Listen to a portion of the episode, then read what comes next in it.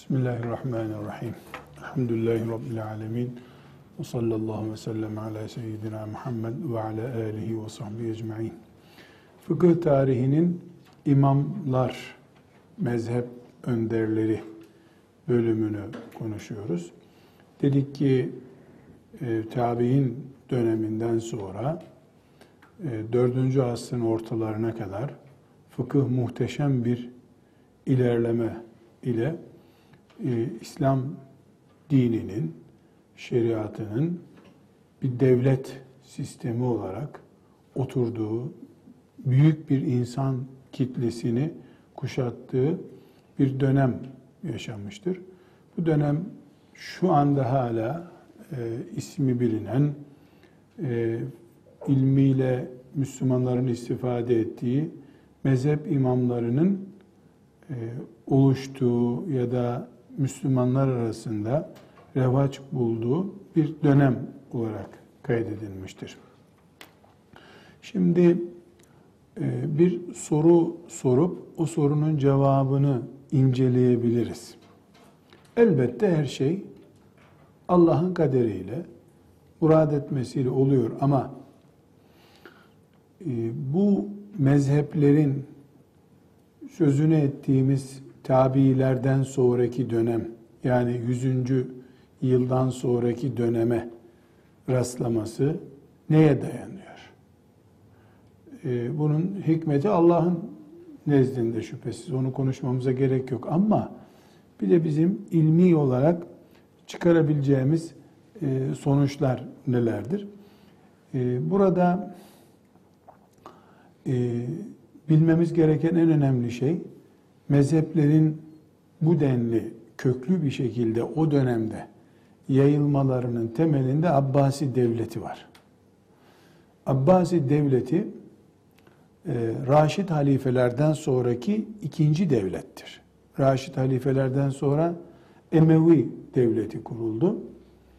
Emevi devleti e, yine Kureyş'e mensup bir ailenin bir kolu tarafından devam ettiriliyordu.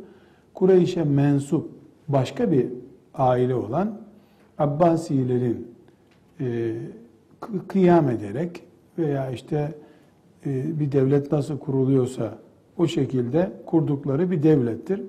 Kaba rakamlarla söyleyelim, kaba ölçülerle, santimetrik lazım değil. Hicretin 40. senesine kadar Raşid halifeler vardı. 150'ye kadar da Emeviler, 150'den 400'lü e, yıllara kadar da Abbasiler var oldu. Sonra Abbasilerden sonra bir dönem Selçuklu Devleti, e, Selçuklulardan sonra da Osmanlılar Devleti kuruldu. Büyük başlıklar böyle. Ama Abbasilerle beraber küçük devletçikler de oluştu. Önceki derslerimizde yan not olarak Emevilerden söz ederken İslam'ın çok hızlı bir şekilde yükseldiği, Kur'an'ın ve hadisi şeriflerin büyük bir hızla ilimleştiği bir dönemdir demiştik. Ee, Abbasi devleti hakkında da bir miktar e, yan not, yine onu da bir yan not olarak yani fıkıhla çok alakası olmayan ama fıkıh anlamamız için lazım olan bir yan not olarak şu şekilde yazalım. Abbasi Devleti hicretin 150. senesinde kurulmuş oldu. Yani o birkaç sene sürdü tabi kurulması. Bir kere Abbasi Devleti var olan bir devleti, Emevi devletini yıkarak yerine geldi. Tıpkı Emevi devleti muhaliflerinin elinde yıkıldığı gibi Abbasi devleti de yıktığı gibi kendisinin de yıkılacağını hep hesap etti. Dolayısıyla Abbasi devleti Ömer bin Hattab'ın Medine'de bir ağacın altında yatıp dinlendiği gibi hiçbir zaman yatıp dinlenebilen bir lider kadrosunun elinde olmadı. Çünkü yıktı, enkaz üzerine kuruldu. Enkaz üzerine kurulmuş bir devletin kendisini güvende hissetmesi mümkün değil. Nitekim öyle de oldu. Abbasileri de yıktı geçirdiler. E, tarihi süreçte ele aldığımızda e, yani Şii gücünün Abbasilerin altına oyduğunu da söyleyebiliriz. E, Selçukluların yavaş yavaş sızıp Abbasileri ele geçirdiğini de söyleyebiliriz. Abbasilerin kendi içlerinde e, devlet olmayı gerektirecek otoriteyi kaybettiklerini de söyleyebiliriz. Neticede Abbasi devleti bir kere Emeviler için söylediğimiz sözü söylüyoruz. İslam devletidir. Tam bir İslam devletidir. Barındırdığı hataları, yanlışları İslam devleti olmasını engellemez. Başlarında halife var. Bu halifenin intisabı belli. Resulullah sallallahu aleyhi ve sellemin ailesine müntesipler. Bir, ikincisi Kur'an devletin temeli, sünnet temelin e, temelin özünü oluşturuyor. Yani Abbasi devleti yabancı bir devlet değil. Bir Müslüman çıkıp da şimdiki demokratik vesaire şekil almış Müslüman halkların başındaki devlet sistemiyle Abbasi devletini veya Emevi devletini veya Selçuklu devletini kıyas edemez. Evet Selçuklularda laiklik adına yapılmış ilk yatırımdır İslam topraklarında. İlk laikçe sallanışlar Selçuklu döneminde oldu ama buna rağmen Selçuklular da İslam devletidirler. Osmanlılar da İslam devletidir. Bilhassa Yavuz'dan sonraki dönem İslam devletidir. Yani incelendiğinde çok ince sık dokunup elendiğinde e, yığınla hata bulunabilir. Mesela Ömer bin Hattab'ın devletiyle ölçtüğünde bu ne biçim İslam devleti denebilir. Ama e, dışında, İslam'ın dışındaki sistemlerle ölçüldüğünde İslam devletidir. Bir kere hatalı matalı e, Müslüman var başında. Ve hiçbir zaman hiçbir yönetici çıkıp da ben Kur'an'ı istemiyorum, zevkime göre devlet yöneteceğim dememiştir. Hep Kur'an'ı yönetiyorum demiştir. Şimdi Abbasi devleti bu ara paragrafa devam ediyoruz. Abbasi devleti e, kendi gücüne güvenip ayakta duracak bir devlet değil. Çünkü bir, e, Emevileri yıkmışlar, içten bir korkuları var. Yani yıktıklarımız bir gün bizi yıkmaya gelir diye bir korkuları var. İki, çok fazla Müslüman olan e, kabile, millet var. Bunlar hepsi Bağdat'a, Abbas devletinin merkezi olan Bağdat'a yığılmışlar. İki, bu da e, bunlar tabi gelirken kültürleriyle geldiler. Yani öz ashab-ı kiramdan kalan o meleklerin kanatlarının altındaki Müslüman halk nesil yok ortada. Bid'atler başlamış, hurafeler başlamış. Bu hep dışarıdan gelenler kültürleriyle, sorunlarıyla geldiler İslam'a. Mekkeli müşrikler Müslüman olmuyorlardı. Olunca her şeyi öbür tarafta bırakıp çıkarıp elbisesini geliyorlardı.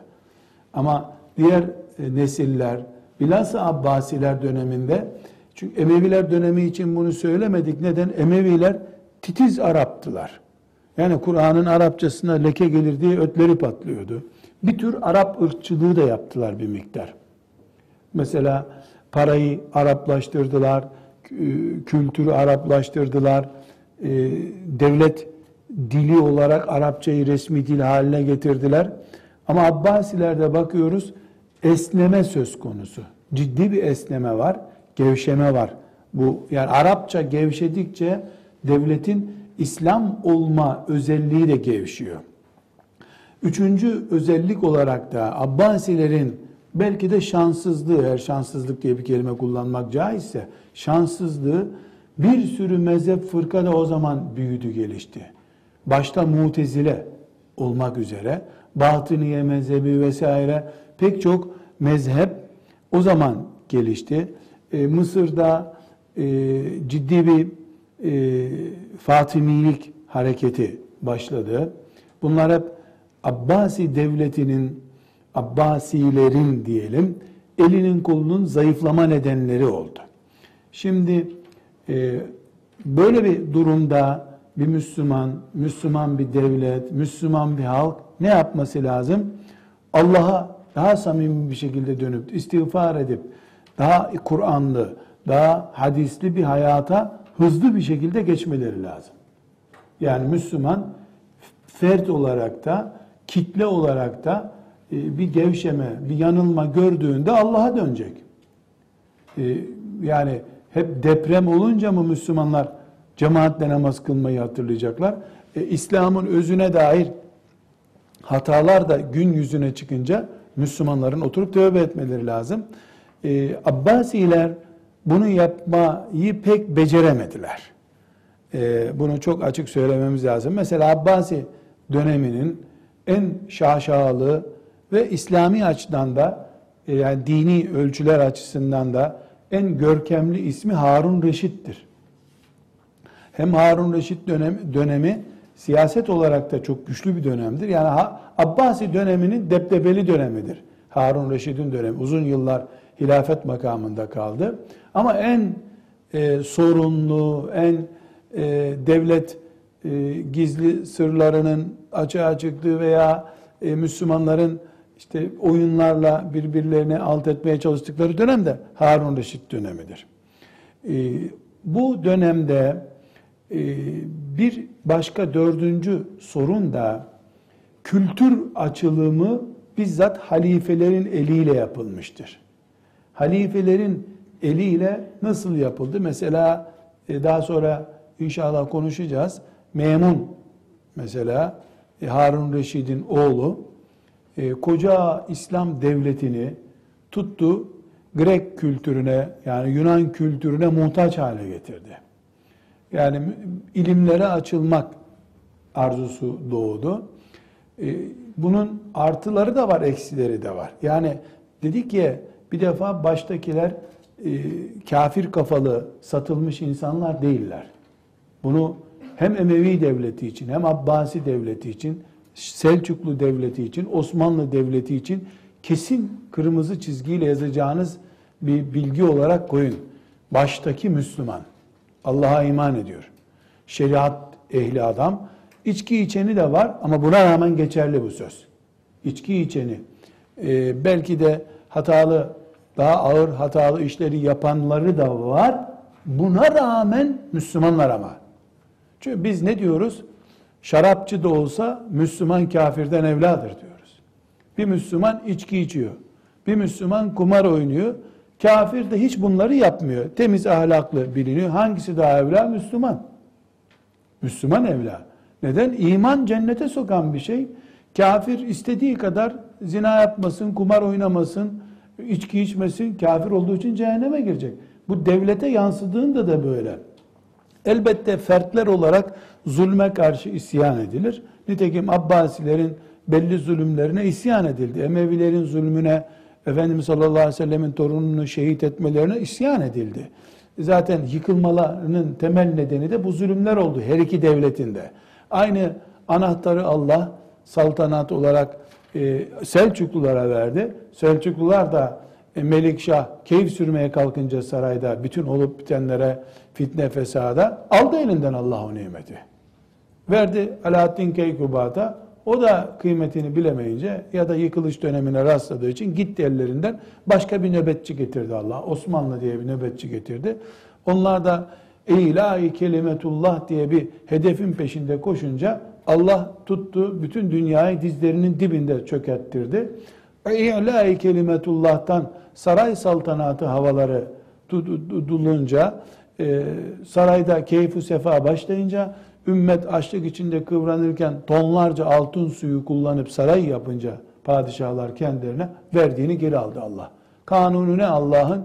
Le in şekertum le ezidennekum le in şekertum le ezidennekum şükrünü bilirseniz artırırım. Şükrünü bilirseniz. Sadece bu şükrünü bilirseniz sözü yani size buğday ekmeği verdim. Şükrünü bilirseniz bir kamyon daha un gönderirim size demek mi? Sağlığın şükrünü bilirsen sağlığını artıracak. Ekmeğin şükrünü bilirsen ekmeği artıracak. Nimetin olarak e, petrolün şükrünü bilirsen petrolü artıracak. Siyasi gücü nimet olarak bilip Allah'tan gelmiş bilip şükredersen i'la kelimetullah'a devam etmektir o şükür o zaman. Öyle yaparsan siyasi otoriteni artıracak. Hayır, e, kıymetini bilmezsen sağlığın sağlığı alır. Ekmeğin kıymetini bilmezsen ekmeği alır. Siyasi otoritenin kıymetini bilmezsen onu alır. Abbasi devletinin e, başına gelen de budur. E, yabancı kültürlere kapı açtılar. Bu yabancı kültürler beraberinde ümmeti Muhammed'e ait olmayan fikirler getirdi. E, felsefe ciddi bir şekilde ümmeti Muhammed'in içine girdi. E, bu felsefe bilhassa akaid konularında, akide, iman konularında bir yığın sapık fırkanın oluşmasına neden oldu ki bunun e, kelam ilmi ile ortaya çıkan tarihini ve ayrıntılarını o konulardan okumak lazım. Bizim şu andaki ilgi alanımıza girmiyor.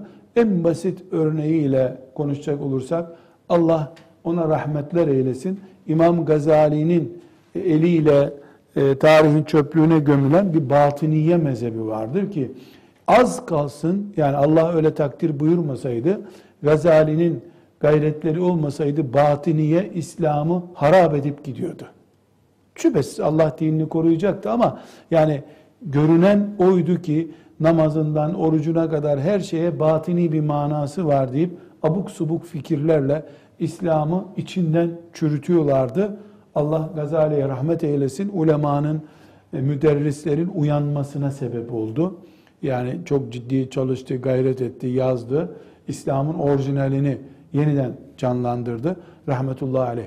Şimdi Abbasi devleti ve Abbasi döneminin eksik veyahut da sorunlu noktalarını konuştuk. Ama bu şu demek değil. Abbasi bir İslam devleti olarak e, biraz sonraki konuşmalarımızdan da ortaya çıkacak çok güçlü artıları da var. Artıları var. Yani bir defa Afrika'nın ortalarından ta e, Özbekistan ucuna kadar Hazar Denizi bir İslam gölü haline geldi. Yani Çin'e kadar İslam e, devlet gücüyle yaşadı. Moğollar gelip e, Bağdat'ta çökertinceye kadar İslam'ın kalesi oldu Bağdat. Artı iki, il, ilimde ilimde insanlığın müthiş e, nimet olarak karşısına çıkan çok büyük gelişmeler sağlandı. E, matematik başta olmak üzere gök bilimlerinde, e, tıpta çok ileri seviyeye geldi Abbasiler. Yani devlet ilmi e, siyaset olarak kendisine e, rehber edinince modern ilimlerde de İslam ilimlerinde de çok büyük ilerleme sağlandı. Bağdat bugün dünyanın hiçbir şehriyle ölçülemeyecek kadar ilim merkezi oldu, siyaset merkezi oldu.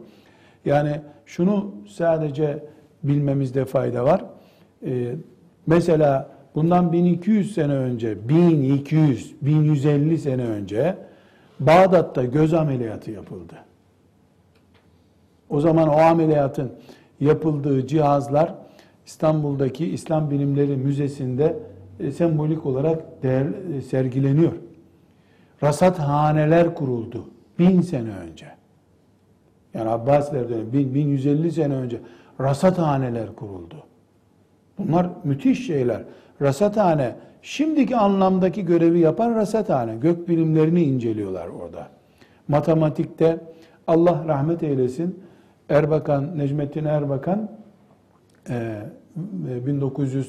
1960'larda e, verdiği bir konferansında e, Müslüman alimlerin Bağdat'ta sıfır rakamını keşfederek bilime yaptıkları katkıyı anlatmıştı. Yani bugünkü teknoloji, bugünkü matematik, geometri, fizik bilimleri e, hepsi sıfırın keşfedilmesiyle ortaya çıktı. Bu sıfırı keşfetmekte işte Raziler ve Farabi denen o meşhur e, Bağdatlı alimlerin eliyle oldu. Bağdat'taki bu gelişme İran'daki e, ilmi hareketlenmeyi de etkiledi. Zaten İran e, yani bugünkü İran devletini kastetmiyor. O zamanki İran.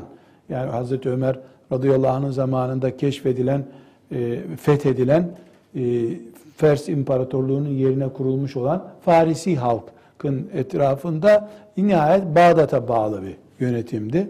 Yani İslam Abbasiler döneminde belli bir e, sorun yaşadı ama buna rağmen insanlığın bugün hala istifade ettiği müthiş bir ilmi gelişme oldu. Bu ilmi gelişmelerden biri de mezheplerdir işte. Çünkü e, nihayetinde Abbasi devleti e, müthiş bir ilim yatırımı yaptı. Yani kütüphaneler vesaireler hanım kızlar çok enteresan bir örnek olarak bugün dünyada işte mesela bizim için çok bir değeri olmamakla beraber Nobel ödülü diye bir ödül veriliyor ilim adamlarına. Ne kadar işte 10 e, bin dolar, 100 bin dolarlık bir şey veriliyor. Şu sisteme dikkat ediniz.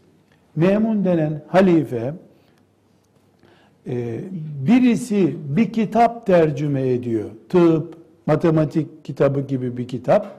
Yunancadan tercüme ediyor, Hintçeden tercüme ediyor. Halifenin önüne getiriliyor kitap. Teraziye koyuyor onu. Mesela işte iki kefeli terazi görmüşsünüzdür. Teraziye koyuyor. Karşı taraf dengeleninceye kadar terazi altınla dolduruluyor. 3 kiloluk bir kitap yazan 3 kilo altın alıyor halifeden. Böyle müthiş bir destek.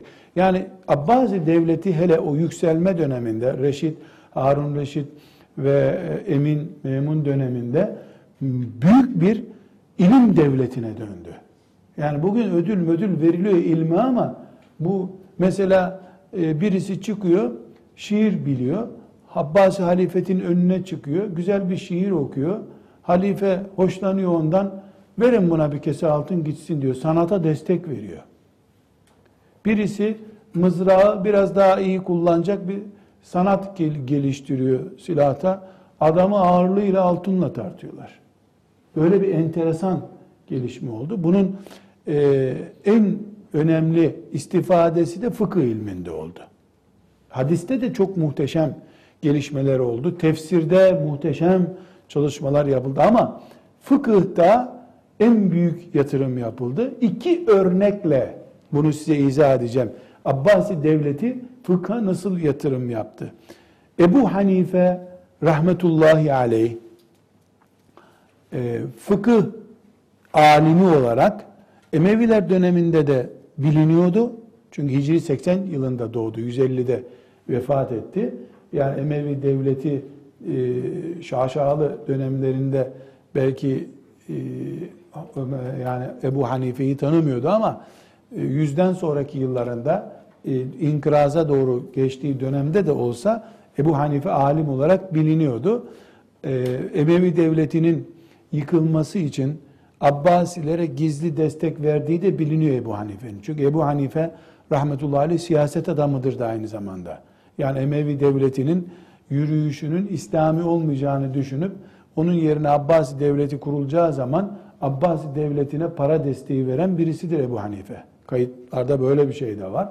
E, Ebu Hanife vefatından önceki senelerde e, yüksek mertebeli bir kadı yani yargıç ol, hakim olması için ricada bulunuldu kendisinden. Bunu kabul etmedi.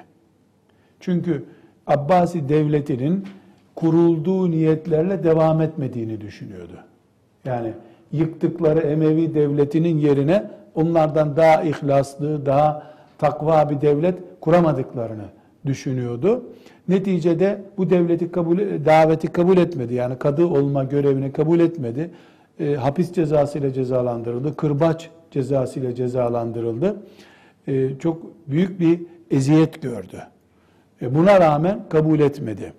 Bu neyi gösteriyor? Ebu Hanife gibi bir büyük müştehidi, kadılık gibi bir görev teklifiyle e, taltif etmek isteyen Abbasi devletinin iki yönünü gösteriyor. Birincisi, alim misin sana muhtacım ben diyor.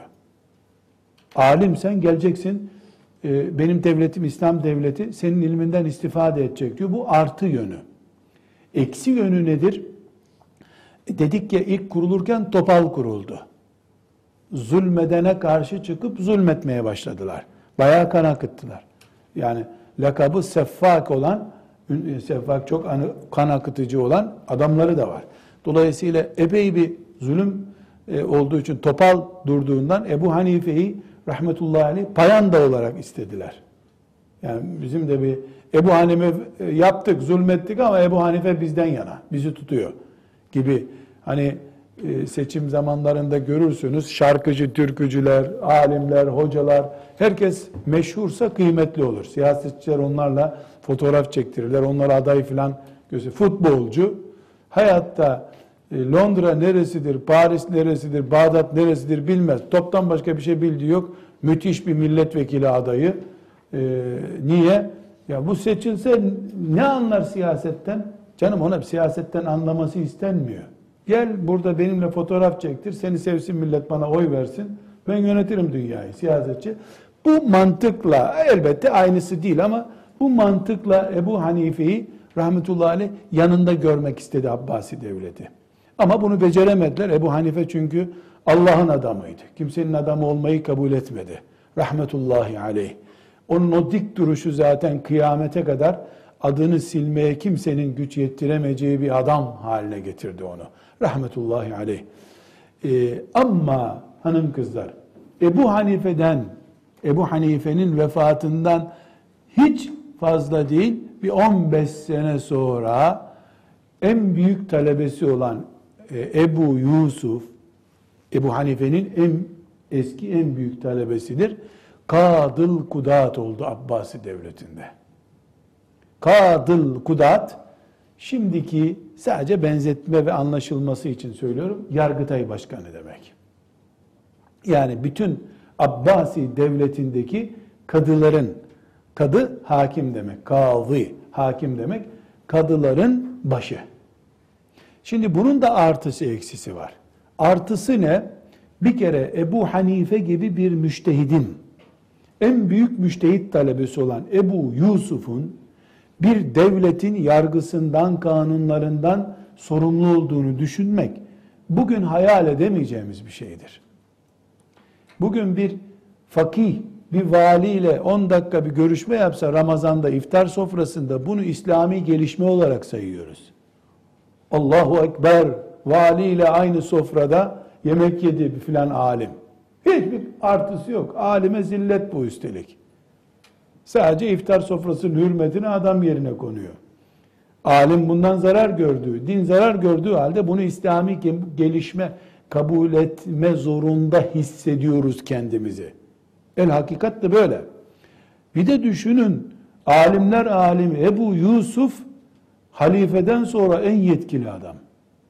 Ve halife bir karara imza atmadan önce Ebu Yusuf'a sormak zorunda. Kadıl kudat çünkü. Bu haramdır dedi mi devletin eli kolu kilitleniyor. Şimdi bu bir kere bir mucize. 20 sene önce hocasını kırbaçlayarak öldürdüler. 20 sene sonra en büyük talebesine elleri kolları bağlı olarak teslim oldular. Ebu Hanife mezarından bunu nasıl yorumlamıştır merak ediyorum. Kıyamet günü soracağım inşallah. İçimdeki bu Ebu Hanife muhabbetiyle Allah beni atmaz bir kenara. Ebu Hanife ile bir görüştürür beni bir yerde. Ona bir soracağım. Hissettin mi mezarda bunu? Nasıl gördün? Ama 20 e, sene sabreden ne görüyormuş demek ki? Hani Yusuf Aleyhisselam zindandan e, saraylara geldi deniyor ya. E, o örnek bir de Ebu Hanife'nin üzerinde görüldü. Ebu Hanife'de de görüldü aynı şey. Yani kendisi reddettiği, siz zalimsiniz, uygun görmüyorum, yasalarınızı uygulamanızı beğenmiyorum dediği e, adamlar talebesine gelip sen ne dersen olsun dediler. Teslim oldular. Bu Abbasi devletinin e, ilme verdiği önem açısından çok önemli. Ama eksi boyutu da var bunun. Eksi boyutu da nedir? Böylece o günkü ta en büyük fıkıh medresesini kontroller altına almış oldular. Bunun artılarını eksilerini topladığımızda pek çok artı eksisi çıkar önümüze. Ee, mesela bu sayede Abbasi devletinin resmi mezhebi oldu. Hanefi mezhebi. Çünkü Ebu Yusuf nerede, ne derse o oluyor. Abbasi devletinden uzak bölgeler olan, yine ona bağlı ama uzak bölgeler olan Mısır'da Şafiilik ayakta kaldı. Ondan daha uzak olan Mağrip'teki e, Mağrip Müslümanlar yani Mağrip Mısır'dan batıya doğru olan e, bölge. Bugünkü Tunus, Cezayir, e, Fas denen ülke Mağrip toprakları olarak yani batı ülkeleri, İslam'ın o günkü batı ülkeleri. O dönemde e, Endülüs hala ayakta ve Abbasilere bağlı olmayan bir devletti. Endülüs, Emeviler Şam'da yıkıldılar ama Endülüs'te Emevi devleti devam etti. Emevi devleti Endülüs yani Endülüs devleti Emevi bir devlettir esasen. Kurulurken de Emeviler tarafından kurulmuştu. E, Emevilerin etkisi Mağrib'de devam ediyordu. Çünkü Mağrib ülkeleriyle Endülüs arasında İstanbul Boğazı gibi, Çanakkale Boğazı gibi bir boğaz var. Cebeli Tarık denen yerdeki o meşhur boğaz. Yani çok iletişimi kolay. Sandalla gidip gelinecek bir bölge orası. Nitekim Tarık bin Ziyad, Musa bin Nusayr, rahmetullahi aleyhim cemiyan İslam ordusu sandallarla karşıya geçtiler fetih esnasında. Tarihte pek doğru olmayan o gemileri yakma olayı oralarda oldu. Böyle tarihi bir olay değildi o. Gemiyi yakmak deyimi atasözü olarak orada kullanıldı. Geldi insanlar gerçekten gemilerin yandığını zannettiler. Her halükarda e, Mağrib ülkelerindeki Müslümanlar da Maliki mezhebini devam ettirdiler. Çünkü e, Hanefi mezhebinin bulunduğu Bağdat'tan uzak Maliki mezhebinin hakim olduğu Endülüs'te yaşıyorlardı. Çünkü Kurtubiler vesaire e, büyük e, oranda Endülüs'ten yetiştiler. Maliki mezhebini onlar ihya ettiler. Hanbeli mezhebi de Ahmet bin Hanbel'in yaşadığı yer olduğu için Bağdat e, yöresinde meşhurdu. Sonra İbn Teymiyelerle beraber Şam'a vesaireye geldi daha sonraki asırlarda. Hanbeli mezhebi 1900'lü yıllarda Suudi Arabistan devleti kuruluncaya kadar bu Körfez ülkelerinde şurada burada 1000, 1500, 2000 sayılabilecek tarzdaki Müslümanların eliyle devam eden bir mezhepken Suudi Arabistan devlet olarak Hanbeli mezhebine sahip çıkınca Hanbeli mezhebi doğal bir şekilde e, milyonca Müslümanın belki de sahiplendiği bir mezhep haline geldi. Neticede Abbasi devletinin e, e, Ebu Hanife rahmetullahi aleyhin en büyük talebesini en büyük iki talebesinden biri diyelim daha dengeli bir söz olsun. En büyük iki talebesinden biri, biri de İmam Muhammed'dir. Çünkü Ebu Hanife'nin temel fikirleri, mezhebi İmam Muhammed denen e, talebesinin eliyle yazılmış. Daha sonra öğreneceğiz Zahirur Rivaye adıyla bilinen kitapların müellifi İmam Muhammed'dir ama pratikte Ebu Yusuf en büyük talebesidir. Ebu Yusuf'un e, bir devletin e, en büyük imza yetkisine sahip adamı olması hem Hanefi mezhebinin kökleşmesine, yayılmasına sebep oldu. Hem de diğer mezheplerin ezilmemek için ilimlerine, müştehitlerinin e, ekollerine, İmam Şafii'ye, Malik bin Enes'e sahip çıkmalarının da kışkırtıcı nedeni olduğunu zannediyorum ben. Yani bir taraf devletçe sahiplenince öbürü de çalışarak o şeye sahip olmak istemiştir. Bilhassa Şafii mezhebindeki ulemanın gayretleri bu konuda e, çok ciddidir. Hala hala mesela Türkiye'nin doğusunda e, Şafii fıkhını okutan ulema oturur kalkarız.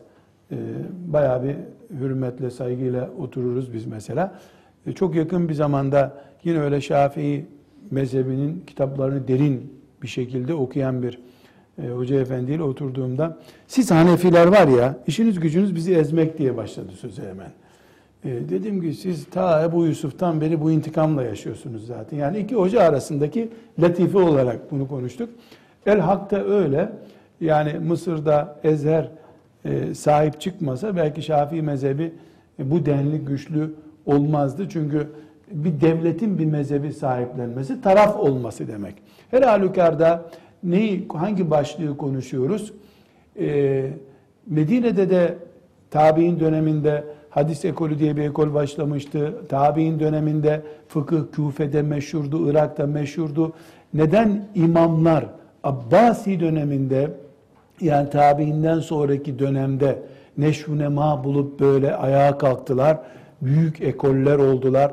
Üzerlerinden 1200 sene geçtiği halde hala zafiyeti yok. O kadar ki abartılı bir şekilde mezhebe girmeyen sanki dine girmemiş gibi kabul edilecek abartı, mübalağa düzeyinde. E, o uygun bir şey değil. Bu düzeye neden geldiklerini konuşuyoruz. Bunun şüphesiz tek cevabı Allah böyle murad etti. Var mı bir diyeceğim kardeşim? Başka bir cevabı yok bunun. Ama biz kul olarak zahiren e, bu şekilde bir gayret edip nedenini merak edersek karşımıza bu çıkıyor. Tabii e, şunu da söylememizde fayda var. E, hoca efendiler kabul edelim. Ebu Hanife'yi, Şafii'yi, Malik'i, Ahmet'i hoca efendi kabul edelim. Onların etrafındaki talebeler, e, mesela bir İmam Şafii'nin etrafındakiler, hele hele Malik bin Enes'in talebeleri bir hoca olarak görmediler hocalarını.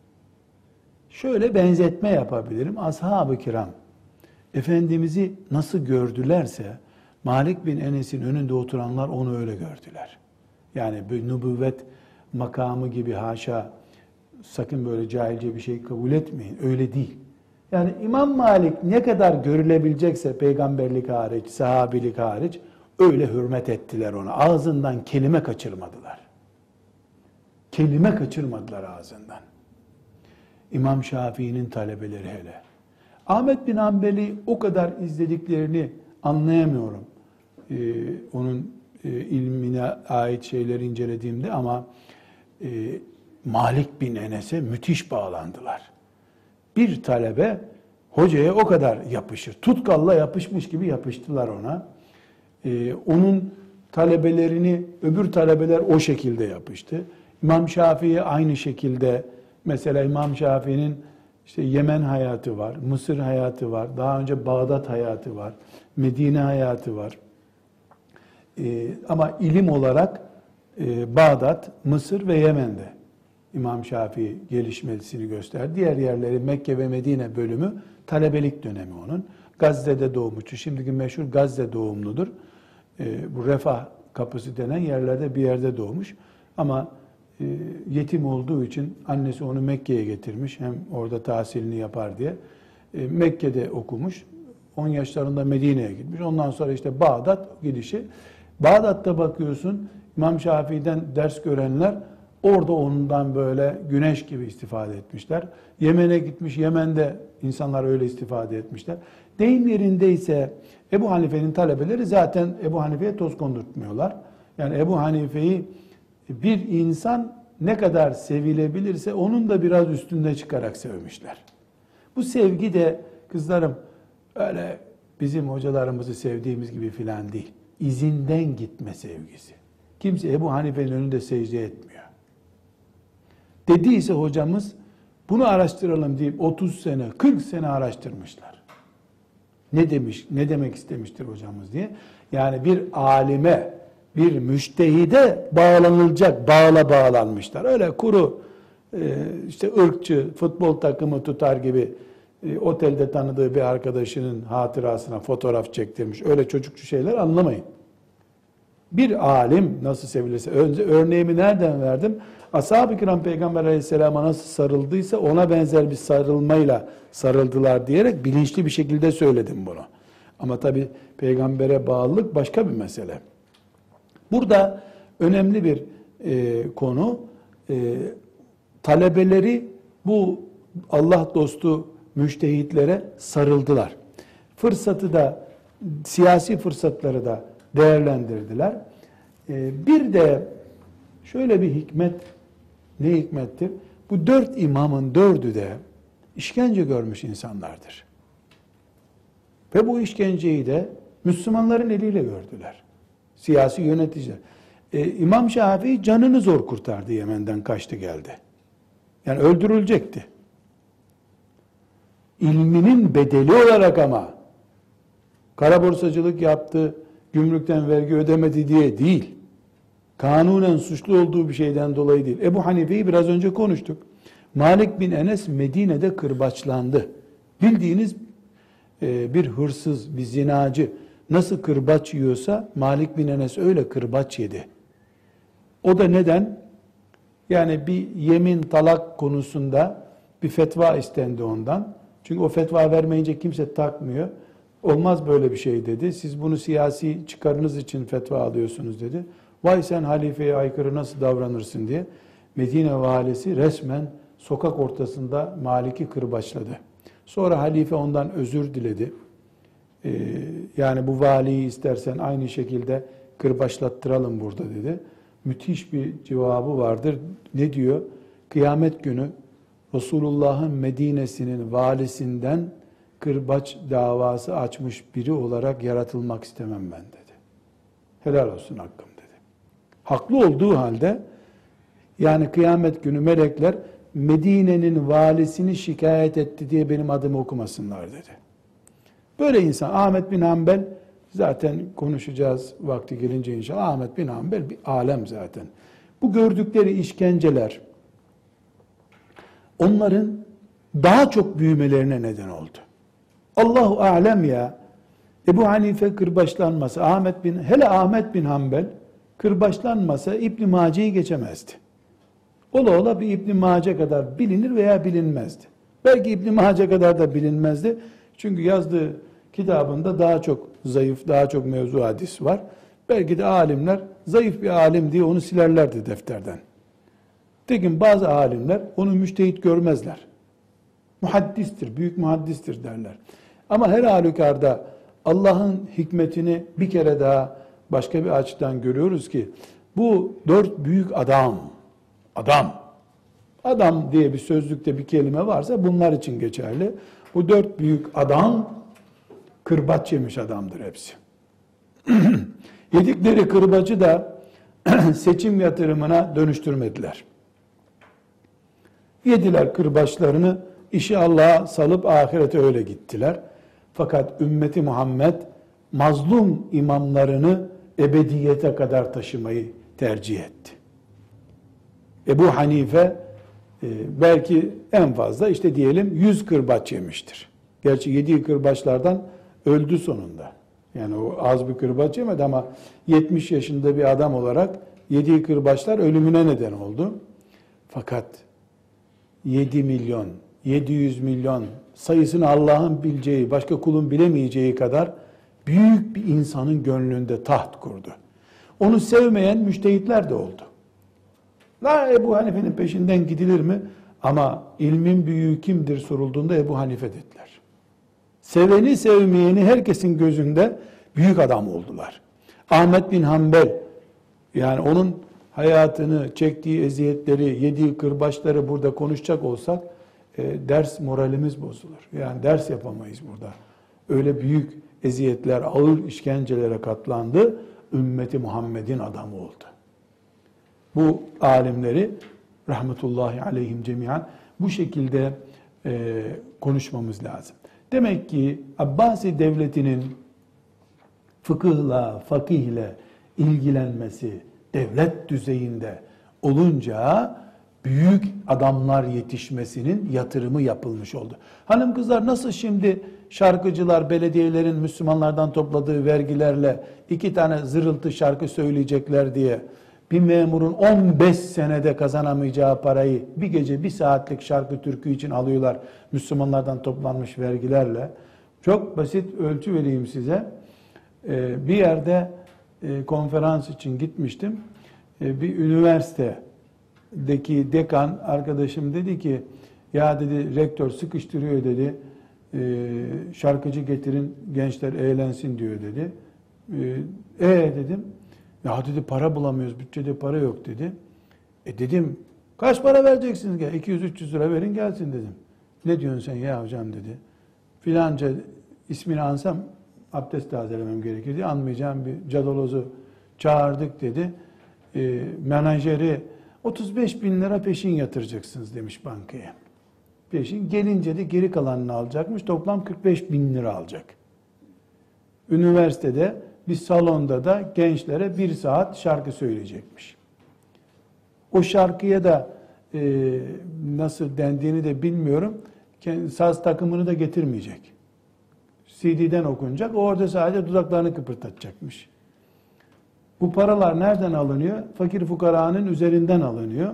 Bir şarkıcıya söyleniyor. Bu sefer de ne oluyor? Gencecik kızlar bu durumu görünce şarkıcı olmak için evden kaçıyor, namusunu veriyor, her şeyini veriyor. Aynı şeyi ya sen benim e, devletimde gel görev al diye kırbaçlarım seni gerekirse diye Abbasi devleti fakihlere gösterince ne oldu? Fakih olmak herkesin işi oldu. Aman Allah'ım bu Hanife ders okutacak deyince 100 kişilik bir ağacın altına 5000 kişi oturdu bu sefer. Yani devlet hadisi şerif ne diyor? En-nasu ala dini mulukihim. En-nasu ala dini mulukihim. İnsanlar yöneticilerinin dini gibi dindar olurlar. İnsanlar yöneticilerinin dini gibi. Yönetici Ebu Hanife hayranı olunca halk Ebu Hanife'nin talebesi olmak istedi. Yöneticiler seçimlerde şurada burada şarkıcıları alkışlayınca herkes şarkıcı olmak istiyor. Yöneticiler sempatik olduğunu göstermek için 50 yaşından sonra futbol oynamaya işte şov yapacaklar ya futbol oynamaya kalkınca e, çoluk çocuk herkes sokakta yuvarlak bulduğu bir şeyi top diye koşturmaya başladı. En-nasu ala dini mulukihim. Halifeler, e, Abbasi halifeleri e, fıkıh seviyorlardı. Herkes fıkıhçı oldu. Milyonlarca insan Bağdat'ta fıkıh öğrenmeye kalkınca işlerinden sivri sivri büyük adamlar çıktı bu sefer. Mesele bu. Burada bir ayrıntı daha var. Dedik ki Abbasi devleti büyük devlet oldu. Yani Emeviler zaten büyük bir devlet kurmuşlardı. Abbasi devleti daha da büyüdü. Anadolu'ya İslam girdi. Anadolu'ya kadar İslam girdi. E, topraklar çok büyüdü. Bu yeni gelen e, insanlar, yeni Müslüman olanlar da kendi kültürlerinden ferahat edip gelemediler yüzde yüz. Şu e, ahlaki konu, bu örf, bu gelenek bunlar hepsi birer tartışma konusu oldu. Bu caiz midir, değil midir? Dolayısıyla fıkıh e, Ömer bin Hattab döneminde 100-150 meseleyle meşguldü. E, Abbasilerin ikinci asrında fıkhın önünde halledilmesi gereken belki 100 bin mesele çıktı. Dolayısıyla iş çok. Şöyle bir doktor düşünün bir köyde dispanserde duruyor. Köy 50 hane. Doktora kaç iş çıkacak o gün? Bir de İstanbul 20 milyon bir branşın bir doktoru da orada 3 kişi 5 kişilik bir hastanede çalışıyor. O, o doktora ne kadar iş çıkıyor? İstanbul'da bir hastanede muayene olmak için 300 kişiyi sıra beklemen gerekiyor. Eğer yaygın bulunan bir tıp alanıysa, çok nadir bulunan bir doktorsa 5 sene sıra veriyorlar sana. Çene estetiğinde 5 seneye sıra veriyorlar mesela. Yok o fazla alan, o alanda fazla doktor yok diye. E, Abbasi döneminde de sorun çok, konuşulacak çok sorun var. Fukahanın işi bitmiyor.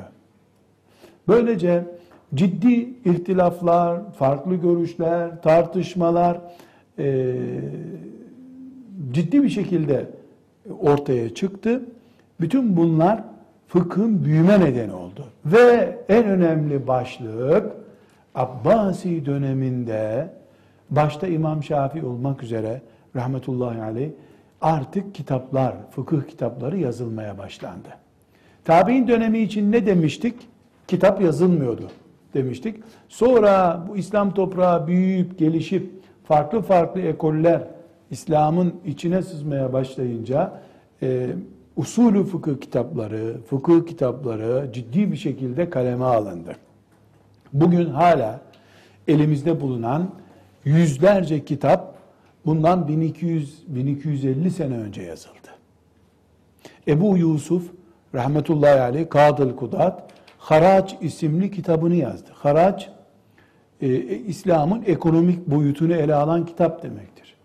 İmam Muhammed rahmetullahi aleyh e, pek çok kitabı mesela e, devletler hukuku demek olan El Fıkhus Sire isimli kitabını yazdı. İmam Şafii rahmetullahi aleyh ilk usul usulü fıkıh kitabı olan Er Risale isimli kitabını yazdı. Bunlar böyle küçük hacimli kitaplarda değil. Kalın kalın 300-400 sayfalık kitaplardırlar. Bir bilimin, ilmin kitabı yazılınca da o bütün insanlara mal oldu demektir. Tabi'in döneminde ise Said İbni Müseyyep neredeyse ilim orada vardı. İmam Şafii Er Risalesini yazınca bir hafta içinde ondan 10 tane 20 tane çoğalttı talebeleri. İstinsah dediğimiz e, çoğalttı. Neticede Şafii bütün bilgisini, özetini Er Risale'ye yükledi. Er Risale bir sene içinde 30, 40, 100 nüsha çoğaltılınca 100 Şafii bulundu piyasada. Çünkü şimdiki gibi insanlar kenarını çizmek için almıyorlardı o kitapları. Alıyorlar, ezberleyip icazet alıyorlardı kitaplardan. Er Risale'den icazet alıyordu mesela. Ne demek icazet?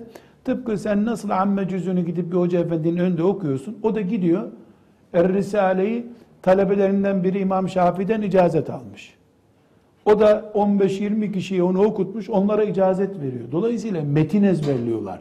Kitapları satır satır ezberliyorlar. 100 tane risale varsa piyasada İmam Şafii'nin kitabı olarak 100 kişi İmam Şafii'nin kafasındaki her şeyi biliyor demek oldu.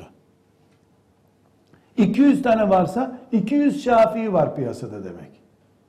E bunlar Şafii düzeyinde, İmam Şafii düzeyinde değilse de nihayetinde ciddi bir şekilde e, ilim sahibi demek. Muvatta'yı belki 1500-2000 insan ezberledi İmam Malik'in sağlığında. O kadar ki e, halifeler, Abbas halifeleri İmam Malik'e bu Muvatta kitabını devlet yasası yapalım dediler. Yani anayasa gibi yapalım bunu dediler. Allah rahmet eylesin İmam Malik'in azameti burada tabi olmaz. O zaman ihtilafın önünü kapatırsınız dedi. İhtilafın önünü kapatmak ne demek? Yani siz İmam Malik'in kitabı Muvatta'ı kanun yaptığınız zaman e, kanun olduğu için bu diğer fakihler bir görüş belirtemezler bir daha. Halbuki Allah her fakihin, her müştehidin görüşünü belirtmesini, ortada ihtilaflar olmasını istiyor dedi. Böylece izin vermedi.